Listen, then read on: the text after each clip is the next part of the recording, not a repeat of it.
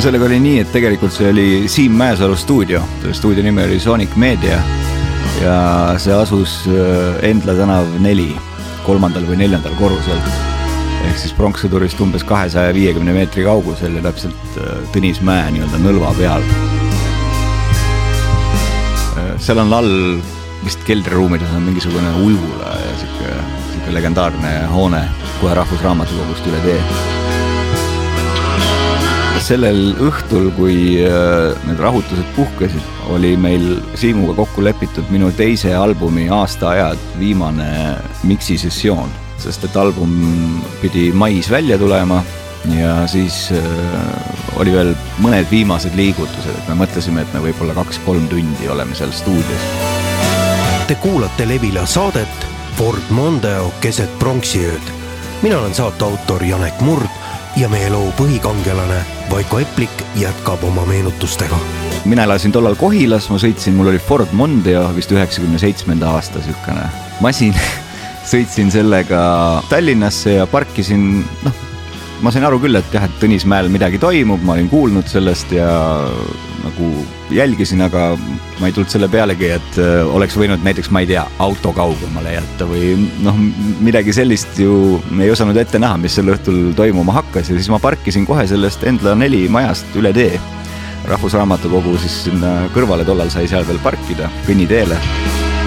ja ma ei tea, mis me seal alustada võisime, mingisugune võib-olla viieaeg või ja õige pea siis oli selge, et see õhtu läheb pikemaks, et, et saates saab ka sõna tollane peaminister Andrus Ansip. see oli kõigile selge, et, et ega päris valutult see äraviimine ei möödu, aga, aga tuleb tunnistada, et, et ega seda äraviimise otsust kui sellist ei olnud suuremas seltskonnas arutatud.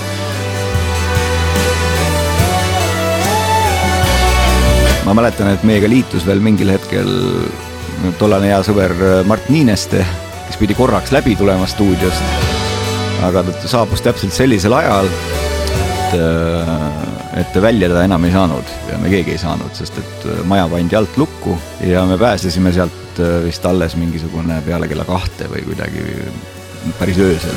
tollal jah, olime Eplikuga aktiivsed sõbrad, mis väljendus selles, et meil meeldis koos hängida, sest Vaiko on ju loomult vaata seltskondlik inimene hästi. ja teine asi on see, et kuna ma otsapidi sihuke natuke võib-olla muusikaajakirjanik ka tollal olin ikka, et siis Vaiko päris palju asju andis mulle kuulata, testida niimoodi eksklusiivselt selle sõpruse raames, et meil oli kohe sihuke oma, oma, omad rutiinid, et me saime kokku, kuulasime mingisugust veidrat musa või tema mingisuguseid eh, poolikuid lugusid, instrumentaale, arutasime nende üle ja, ja ma arvan, et see plaadi miksimisele sattumine, see käis täpselt samamoodi, et eh, võttis kõne, et kuule, mul on siin viimane, viimane miksimise õhtu, et tule ka tšeki nüüd mikse, mis siin Siim, Siim teeb praegu siis äh, järgnev oli siis nagu, nagu sellises põnevus või action filmis, eks ole, et äh, stuudioaknad olid, äh, olid siis Rahvusraamatukogu poole ja siis täpselt seal minu auto jäi täpselt nagu kahe liini vahele.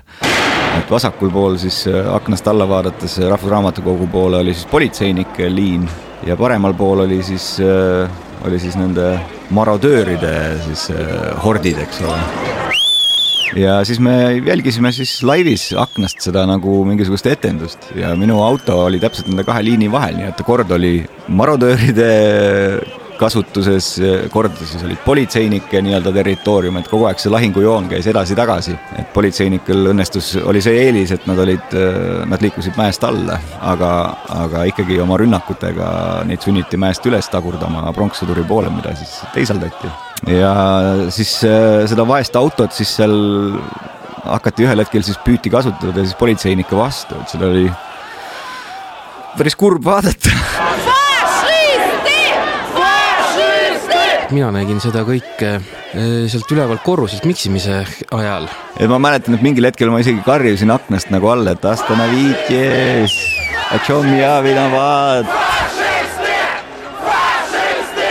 politsei seisis eh, kilpidega ja siis seal taga oli see õnnetu veekahuriga tuletõrjeauto, mis selle veekahur peale kahte lasku ära suri. Väga kurb oli ka see, et äh, ikkagi niimoodi vahetult neid sündmusi kolmanda-neljanda korruse aknast tunnistades sa saad ka aru, et seal oli väga heterogeenne see seltskond, et seal ei saa kuidagi öelda, et oleks olnud noh, mingi venelaste üritus või et seal oli ikkagi üks põhitegija, keda ma mäletan väga hästi, oli niisugune üle kahemeetrine niisugune eestlane, mingisugune jõmakas. Need on enda arust Eesti, eestimaalased õigemini. kes näiteks mingil hetkel haaras mingi liiklusmärgi, õnnestus sealt betoonpesast liiklusmärk kätte saada ja ta oli nii tugev, et ta keerutas seda ümber enda telje ja viskas selle politseinike suunas. ja siis ma nägin, kuidas mingisugune umbes viiekümne aastane politseinik äh, sai sellega vastu jalga, et see jõudis nagu veel õhus teha niisuguse umbes kolmandik nagu ringi. ma ei ole tõesti nendega. ja tabas teda kusagile noh, Sääre-Marja piirkonda, siukseid asju näha, see oli lihtsalt äh, selline šokk kohati see kõik läks sellisesse absurdi, et see oli juba naljakas, aga samas sellised hetked, kui ma nägin seda politseiniku vigastust näiteks ja ja vaadeldes selle rahvuskaaslasest Ambali vägitegusid, see ikkagi oli väga masendav. olid siuksed väga vastakad tunded, et lõppkokkuvõttes ei saa öelda, et oleks tore õhtu olnud, et noh, minu töö oli tol õhtul, eks ole, stuudios seal natukene oma kõrvu kasutada ja püüda midagi ilusat teha, aga aga tulla vastu ööd kodust välja, olla keskealine pereisa ja siis panna kiiver pähe ja võtta kilp ette ja minna purjus massi vastu, et, et see, see hirm ma mäletan ka käis pealt läbi, et mis siis saab, kui see mass mitmekordistub. aga õnneks noh, ma saan aru, et oli äh, suuremad massid olid võib-olla mingisugustes teistes äh, kesklinna osades, eks ole, mida mina tol õhtul ei näinud. aga seal Endla tänava kandis äh, mulle tundub, et võib-olla üle saja inimese seal ei olnudki kordagi, et see põhiaktiiv äh, oligi võib-olla mingi kolmkümmend kuni viiskümmend inimest ja siis osad tüübid seal vahetusid, seal äh, tulid mingisugused tüübid, kes lihtsalt vaatasid ja muhelesid seal ja tegid nüüd lolli nalja ja julgustasid takka ja siis mingid tüübid, kes lõid kaasa ja siis lõid põnnama ja et see oli väga voolav kontingent ja nende seisund ei võimaldanud nagu olla piisavalt organiseeritud, et isegi ühte Ford Mondeot katusele lükata, et see juba näitas nagu nende taset. nii lähedalt näha sellist konflikti see kuidagi jätab mingisuguse jälje ja, ja ega see solidaarsus kuidagi politseiga, ma arvan, et äh, ka tohutult tõusis nagu sel ööl. ma miskipärast eeldasin, et äh, meeleavaldajad politsei ahelikest läbi ei murra, aga oli ka tunda seda, et et mingil hetkel nad ilmselt oma frustratsiooni väljaelamiseks võtavad ette need tänava äärde pargitud autod ja Vaiko auto seisis seal, kus vanasti oli Rahvusraamatukogu ajalehtede lugemissaal, ehk siis jah, põhimõtteliselt Rahvusraamatukogu tagumise otsa juures. Kohati oli isegi nagu kurb vaadata nende organiseerimatust, noh näiteks kolmel korral nad püüdsid seda minu Ford Mondeot, mis on üsna laia teljega auto, püüdsid seda nagu külili lükata, mitu korda põlema panna. Niimoodi, et äh, parempoolsed aknad olid autol kõik sisse pekstud, tagumine aken oli sisse pekstud, kõik, mis mul pagasnikus oli, õnneks ühtegi pilli mul seal ei olnud, kuna ma olin miksima tulnud, mitte salvestama, siis äh, loobiti kõik magamiskotid ja asjad, mis seal oli, nad olid püüdnud äh, sinna pagasnikusse lõket teha no.. seda ma mäletan, et me, Vaikol olid veel vahetult rehvid vahetatud, et tal olid talverehvid pagasnikus või olid suverehvid pagasnikus ja talverehvid veel all ja seda ma mäletan, et me vaatasime ärevusega, et nad kurat ei lähe Vaiko auto kallale ikka veel, aga lõpuks kurat läksid ja siis hakkasid seal need rehvid lendama ja aknad purunesid ja siis, siis ma mäletan, Vaiko läks tõsisemalt endast välja, kuigi ta muidu proovis rahu säilitada, aga noh. Äh, nad olid nii purjus, et keegi ronis autosse, kui aknad olid äh, sisse löödud ja nad äh, ei leidnud üles, kust bensiinipaak lahti käib, sest nad ka mingite kaltsudega vist mõtlesid, et nad panevad nagu selle auto plahvatama. aga nad olid nii tongis, et nad ei leidnud üles seda, seda tõmmat siit nii-öelda rooli alt, kust siis see, see luuk lahti läheb ja, ja vist pidi ka, see oli vist veel ka nii vana auto, et oli vaja ka võtit, et keerata lahti see, see kork. ikka loobitakse kividega veel. Need kolm korda, kui nad püüdsid näiteks külili lükata seda autot ma, ma ei tea, mis nad kujutasid ette, et mis, mis eelise see neile annab, millegipärast nad valisid just minu auto kuigi seal oli teisi veel, äh, siis nad äh, tipphetkel nad olid isegi nii organiseeritud, et neil mingil hetkel oli kaheksa meest, ma lugesin kokku, kes seda autot nagu äh, lükkasid. Ja juba ei puudunud palju, et see noh, et päris, päris katusele nad seda ei saanud, aga nad, neil õnnestus auto külg tõsta ikkagi mingi meetri pooleteise nagu kõrgusele, enne kui see jälle tagasi kukkus, ma imestan, et nad ise sinna alla ei jäänud, kui see auto tagasi tuli.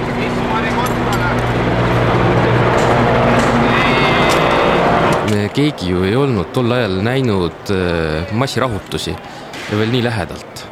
et mina nägin massirahutusi järgmine kord, kui ma käisin tööreisil äh, Kopenhaagenis Ungdom Huuseti anarhistide skvati toetusmeeleavaldusel, kus ma sain ise ka politsei eest ära liduda osalus ajakirjanduse käigus aga see oli jah, mul esimene kord, kui ma nägin, kuidas asjad lihtsalt lähevad lappesse ära.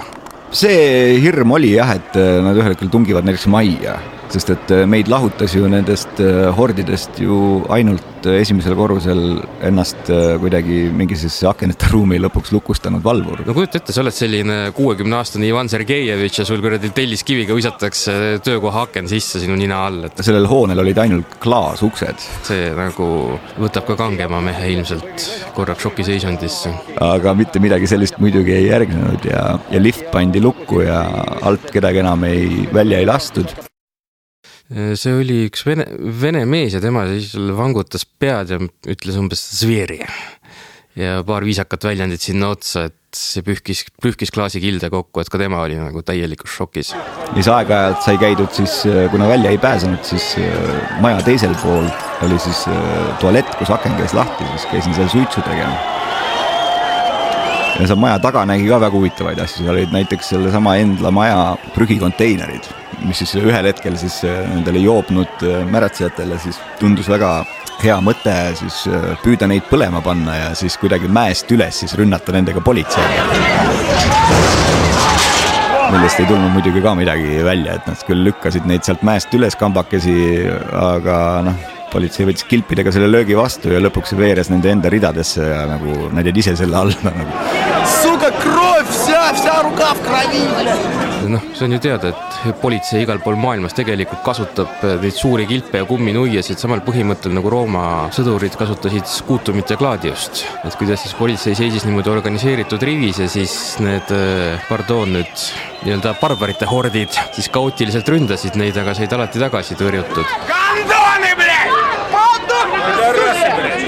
Et ma mäletan, oli ka see, et noore ajakirjanikuna mul oli see tunne, et oh, et ma olen sündmuste epitsentris ja mul lõi professionaalne kretinism välja ja oli hirmsasti vaja hakata Eesti Päevalehele online'i otsereportaaži andma, aga ma ei teadnud online toimetuse lauanumbrit. ja kui ma tahtsin Päevalehe kodulehele minna, siis see oli muidugi ära ummistunud selleks ajaks. lõpuks ma sain sinna ligi ja ma mäletan, et ma poolkarjudes rääkisin sündmusi, mis parajasti Endla tänava pool toimusid ega seal muud ei jäänudki üle, kui lihtsalt vaadata seda kõike ahastades pealt ja, ja õnneks oli kaasas äh, arvuti, sest et äh, mingist hetkest vist äh, mobiililevi kadus ära ja siis sai. Peter Ansip. jah, seda ma ei tahaks kommenteerida, et teda lihtsalt ei olnud, juhtus nii. oli niisugune asi nagu Windows Messenger kunagi, siis sellest sai nagu kodustele teada anda, et mis toimub ja et millal on, et, et ma ei jõua täna ja nii edasi ja. tollast kõnekoju meenutab abikaasa Kristel. seda ma mäletan küll, kui tulla korraks tagasi nende tunnete juurde, et niisugune tunne oli või küsimus enda sees, et kuule, kas ma olen midagi maha maganud kas niimoodi võib alata sõda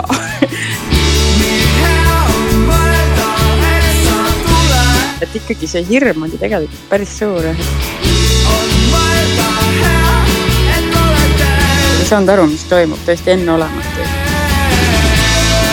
hirmud ja tugevamad tunded, mis sellel konkreetsel õhtul sai läbi elatud, muutusid ju paari päevaga sisuliselt äh, siukseks lõbusateks lugudeks, mida sõpradele rääkida, et. Äh, Vaiko Epliku sõber Martti. ma olin sel ajal maal ja ja järsku tuli kõne ja ma olin õues ja siis ma seal vähendasin naeruprammides, sest see oli tõesti nagu üks kohutavalt eh, lõbus lugu, eh, vaatamata kõige selle traagikale. kõik need lustlikud süüded, et idioot, sa ei oska isegi autole akent sisse lüüa ja nii edasi ma ei mäleta nüüd, kas see oli selle õhtu tunne või see tuli kuidagi hiljem, aga ma, mingisugune põhiküsimus, mis tol hetkel selle kerkis, on see, et noh, et meil olid majas ju ka venelastest naabrid üks Keenia, kellega Vaiko armastas majanurga peal suitsu teha ja koos jões ujumas käia. et siis oli see, et okei okay,, et kuidas see järgmine kohtumine välja näeb, et kas on nagu meie ja nemad või, või oleme ikkagi meie on ju kõik üks majarahvas. ja mul oli enda vanaemaga ka võib-olla seesama küsimus, et kuhu siis tema asetub, on ju, et ta on venelane. et kuidas tema ennast selles tunneb, et mina tundsin, et vanaema on ikkagi nagu meie, on ju aga jah, mingid sellised tunded olid hoopis meie ja nende küsimused. eestlaste ja venelaste küsimus ei olnud minu jaoks kunagi nagu mingi terav teema olnud, sest ma olin niimoodi kasvanud venelasest vanaemaga yeah!.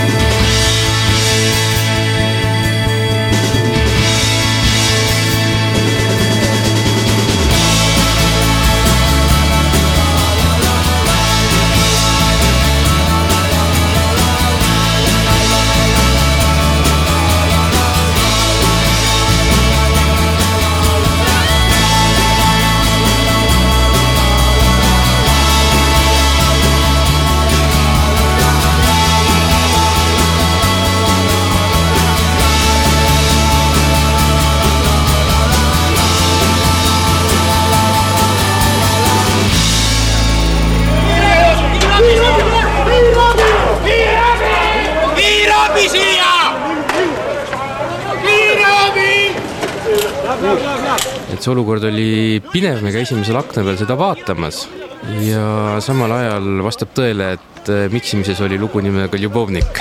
et ühel hetkel äh, me näiteks tegime kõik aknad lahti, lollid hipid, nagu me olime ja siis me panime põhja selle sama plaadi peal, mida me lõpetasime, oli sihuke kinohõnguline lugu äh, Ljubovnik. siis me panime selle põhja, panime kõik kõik kõlarid stuudios panime tööle ja lõime selle loo nagu venekeelse loo ainsal albumil lõime põhja, et lootuses me paneme selle mängima, et siis inimesed tulevad mõistusele.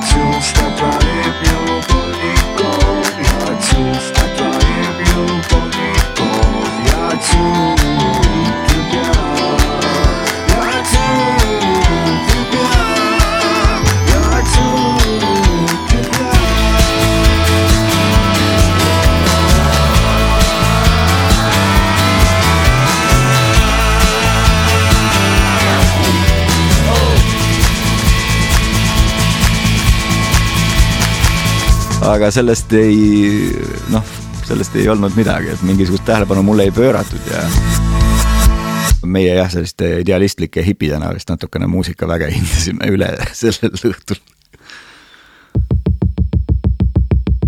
kui see kõik siis lõpuks läbi sai ja, ja kamp nagu laiali vajus, eks ole, siis vastu ööd, et siis läksin, istusin sellesse oma autosse, mul oli taskus oli kõva ketas minu uue albumiga keset neid klaasikilde ja see oli mingi paekivitükk, mis mul politsei soovitas mul jätta autosse asitõendiks, eks ole. Siis ma sõitsin selle autoga veel mingisugune nädal aega ringi. Ma pidin seda kivi siis näitama, kui keegi mind kinni peab, küsib, miks ma sõidan autoga, millel on prügikotid klaaside asemel, et siis. et äh, pärast seda üritust oli äh, vana Fordi aken äh, kaetud kinni kilega ja see oli nagu täitsa teistmoodi elamus selle Fordiga siis igal pool ringi sõita, sest see kile laperdas. ja kui tahtsid omavahel rääkida, siis pidi põhimõtteliselt nagu karjuma, et see oli nagu, see oli nagu selle pronksi tagajärg, mis jäi nagu saatma päris pikaks ajaks.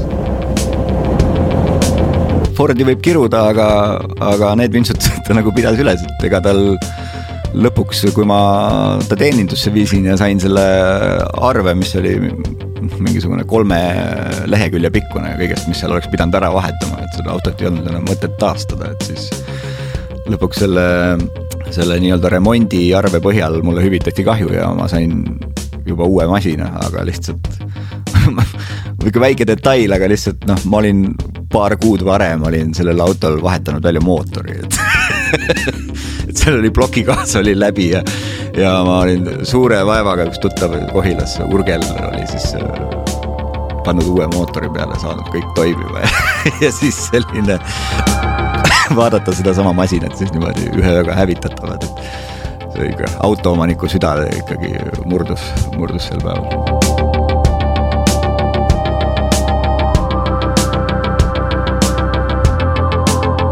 Siis läks, läks päris mitu nädalat, enne kui ma siis lõpuks sain kompensatsiooni kätte riigilt auto lõhkumise eest ja sain omale siis uue masina. peab ütlema, et Ansip oli aumees, et nagu kõik need kahjud hüvitas. sest ega tollal noh Kohilast äh, Tallinnasse nagu tööl käia, ega mul mingeid muid mul auto oli ikka väga oluline töövahend. et siis äh, selles osas vähemalt lõpuks äh, see asi heastati, aga, aga päris sündmuste lõpp see minu jaoks ei olnud, sest et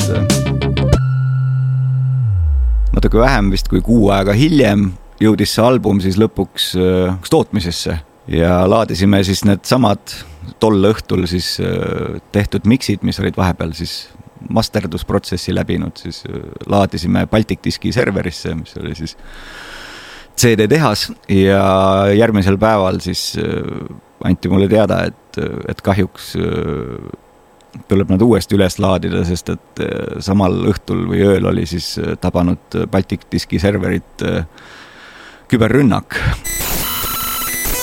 ja kui siis nende töötajad äh, siis hommikul tööle tulid, siis nad avastasid, et nende serveris ei olnud enam midagi, et äh, kõik nende erinevate klientide projektid ja tööd, mis olid pooleli, olid kõik ära kustutatud ja programmeeritud asemele oli siis äh, Nõukogude Liidu lipp ja siis kaheksapitine versioon Nõukogude hümnist mängis selles serveris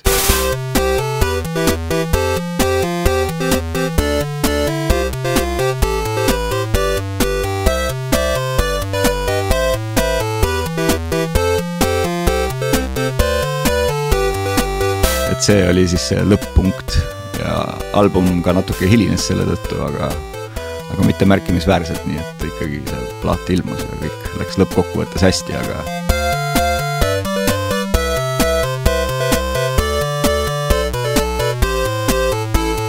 selline väga meeldejääv lugu albumi lõpetamisega, mida ma loodan enam mitte kunagi kogeda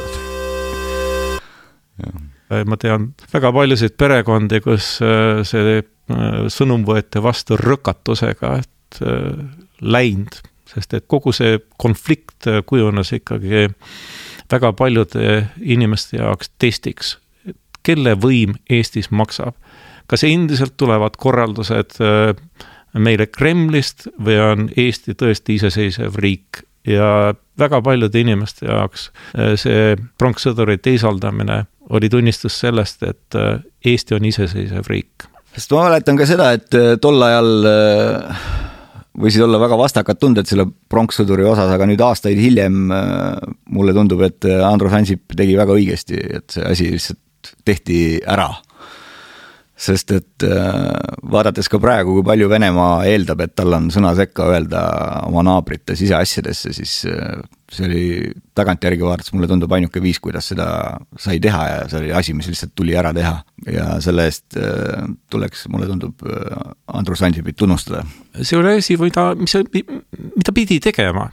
Kui see, kui sul on kriisisituatsioon, siis sa lihtsalt teed seda, mida sa pead tegema ja, ja äh, see oli absoluutselt vajalik, ei olnud mingit võimalust, et, et ta sinna jääb ja, ja kui ta oli ära viidud, siis loomulikult tänasin neid inimesi, kes seda korraldasid ja mingi rahulolu oli kindlasti, aga üldiselt oli ikkagi kahetsus ja, ja kurbus, et, et see asi nii kaugele läks, et, et vanalinn segamini peksti ja autosid kummuli keerati. Et see ei saanud kellelegi mingisugust rahuldust pakkuda. ma vist ülejärgmisel päeval, see oli siis juba järgmisel, oli meil Von Krahli teatris kontsert. selle Von Krahli kontserdi jooksul meil oli eliidi improvisatsioon seal ja sellest on, see on isegi salvestatud. ükskord nägin linnas jube ägedat autot. suur ja sinine ja vilkuritega.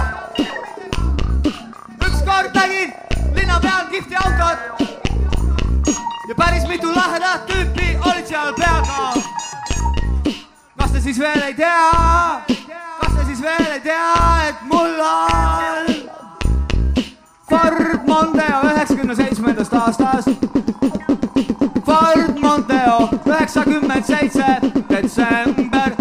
ja siis ma küll noh, nägin mingisuguseid kioskeid, mis olid seal, seal ära rääderdatud ja nii edasi, aga aga see suurem äh, möll oli selleks ajaks tehtud ja, ja see oli ka üks väga ärev öö, sest et me. Mart Niineste seal pendeldas mingisuguse paanika ja, ja hirmu vahel, et ei saanud üldse olla, pidi seal pingi peal pikali olema, pea minu süles ja mu sõbrannaga, üks tegi õlamassaaži ja teine sosistas nagu rahustusi kõrva sisse, et.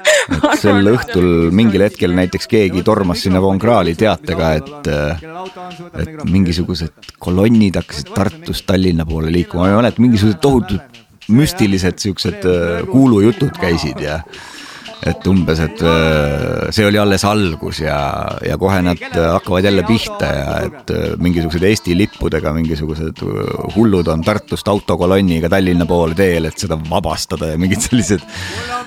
see ärevus tegelikult püsis ikkagi kauem, et see oli päris, päris pikalt oli sellist, see oli ka sihuke Facebooki eelne aeg vist vähemalt minu jaoks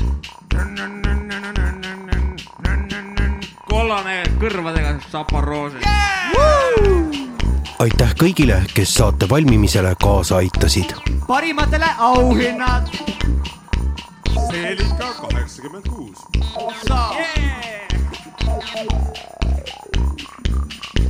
Saates on kasutatud kahe tuhande seitsmendal aastal ilmunud Vaiko Epliku albumi Aastaajad muusikat ja audiot Jüri Liimi filmitud pronksiöö videost. mul on Honda jumala uus, ma ei tea seda aastat. aplaus, aplaus, daamid ja härrad. ma arvan, et ma olen võitja yeah.. no kas kellelgi rohkem ei olegi autot? Näitame nüüd näpuga ja naerame nendele, kelle autosid ei ole. meil on kõigil autod, Jarek oma natukene katki. Levila kaks tuhat kakskümmend kolm